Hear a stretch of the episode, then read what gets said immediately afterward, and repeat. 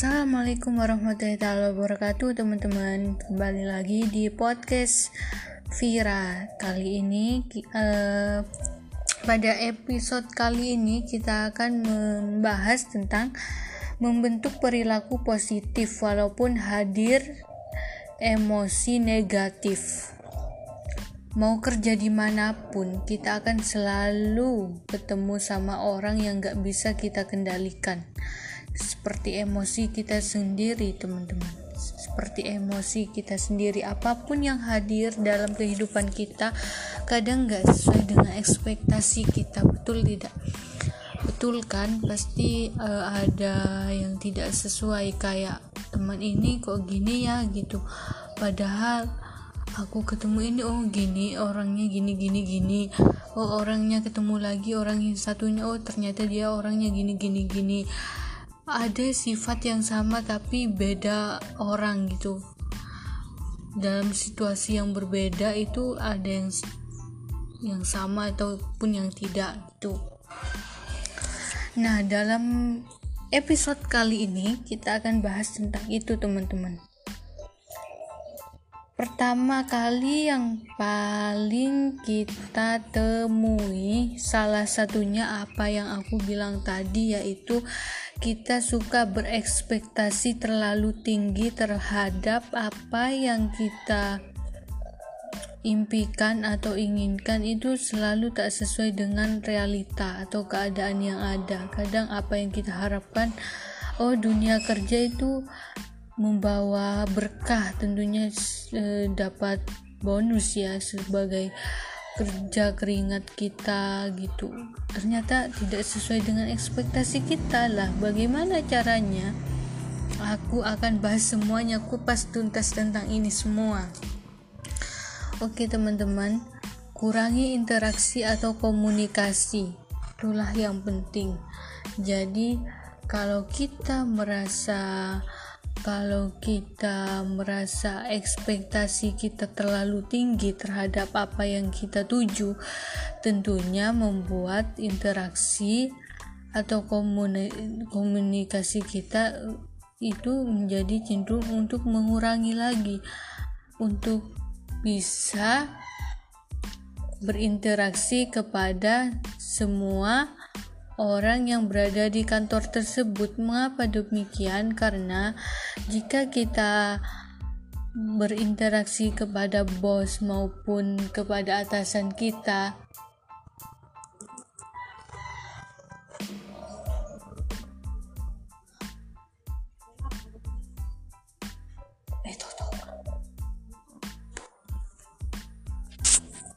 Nah, jika kita sering suka berekspektasi terhadap uh, teman kerja kita maupun atasan kita tentang diri sendiri yang kita lakukan selama dunia kerja selama masuk ke dunia kerja apa yang kita lakukan?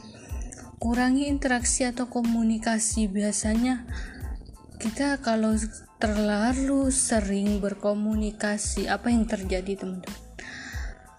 Yang pertama yang paling sering terjadi yaitu kita itu sering hmm, sering di diejek pertama kalau sering terlalu sering. Karena apalagi kita orang baru orang baru masuk ke dunia kerja pasti kan itu akan terjadi bahan tertawanya bahan candaan gitu. Itu yang pertama interaksi kurang interaksi atau komunikasi.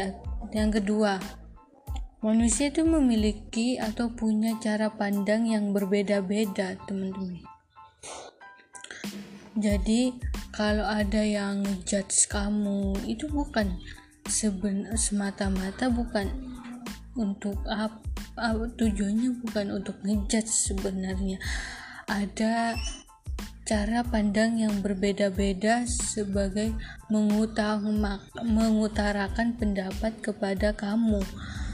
Cara pandangnya aja yang berbeda. Mungkin dengan cara dia ngejudge dia bisa mengutarakan pendapatnya. Mungkin salah satunya seperti itu dan yang ketiga kita sering dipertemukan dengan sikap yang sama tapi di tapi di orang yang berbeda.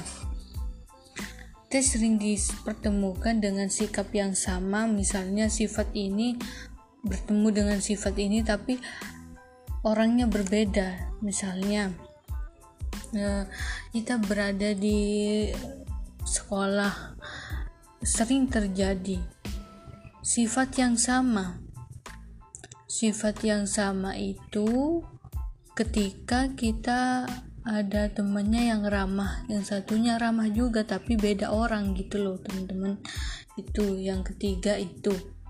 Yang keempat kita diminta untuk bisa melewati permasalahannya bukan orangnya.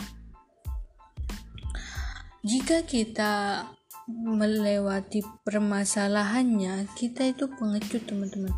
Karena masalah itu dihadapi bukan dilewati bukan bukan di diakhiri begitu saja gitu.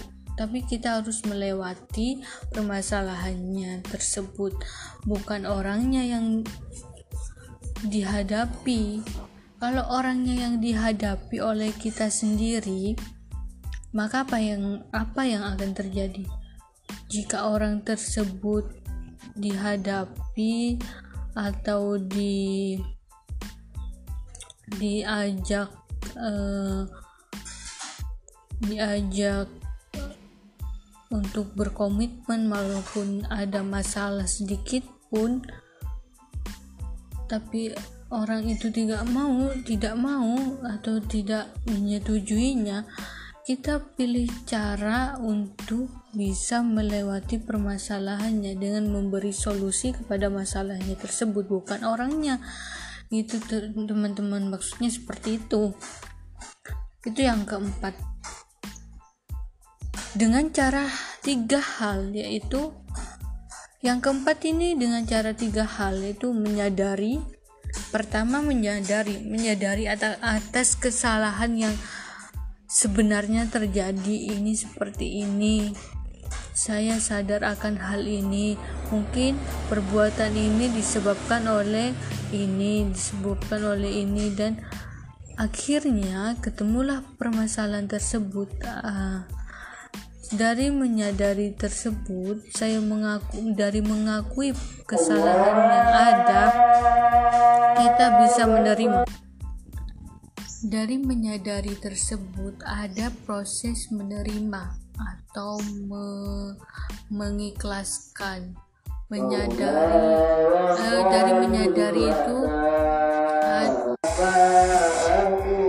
dari proses menyadari itu kita bisa mengakui atas apa yang terjadi kita diri sendiri bisa mengakui kesalahan kita seperti apa dengan cara mengekspresikannya seperti apa. Kita bisa menyadari segala keseluruhan apa yang kita perbuat kesalahan apa yang kita lakukan pernah lakukan kepada orang tersebut sehingga kita bisa menemukan solusinya kita bisa melewati permasalahannya bukan orangnya. Jadi seperti itu. Yang kedua proses dengan cara apa? Yang kedua yaitu caranya menerima. Menerima apa yang sebenarnya kita telah perbuat. Menerima kejadian atau keadaan yang telah terjadi sebenarnya hal yang sebenarnya terjadi harus diterima. Kekalahan apa pun harus diterima. Apa pun yang terjadi di dalam keadaan kamu pada saat itu oke okay, it's fine. I'm fine not I I'm okay not to be okay gitu aja menerima yang kedua. Yang ketiga memaafkan apa yang sebenarnya telah terjadi di dalam kehidupan atau keadaan atau kesalahan kamu sendiri. Seperti itu. Jadi memaafkan itu sebenarnya buat siapa sih? Memaafkan sejatinya itu untuk diri kita sendiri bukan orang lain.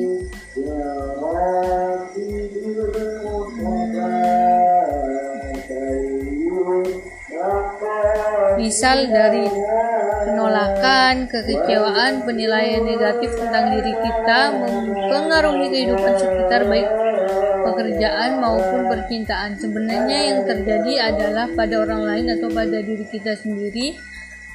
Negosiasi adalah relasi yang kita bentuk untuk diri kita dari interaksi kita sendiri seperti itu.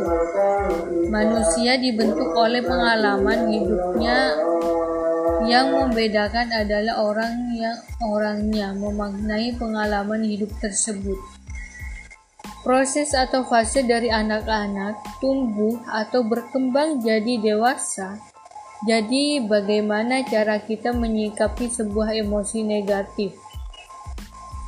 Kita, kalau anak-anak, masih bisa mengekspresikannya ketika kita uh, memiliki luka di dalam batin kita atau ada hal-hal negatif yang menyertai kita. Akan tetapi kalau sudah dewasa kita bisa jauh lebih mengerti, oh ternyata saya dipertemukan dengan orang ini supaya saya lebih kuat lagi menghadapi kenyataan ini. Pengalaman negatif adalah guru terbaik yang mengubah kita jadi lebih baik. Yang pertama, upaya yang harus dilakukan untuk menghadapi realita kenyataan yang tidak sesuai dengan ekspektasi dan hadirnya emosi negatif dalam membentuk perilaku positif kita sendiri yaitu dengan cara latihan.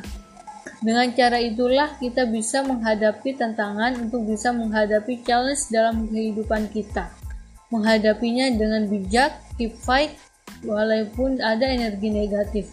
Sukses kita bukan dari orang lain, tapi dari kita sendiri yang cipta.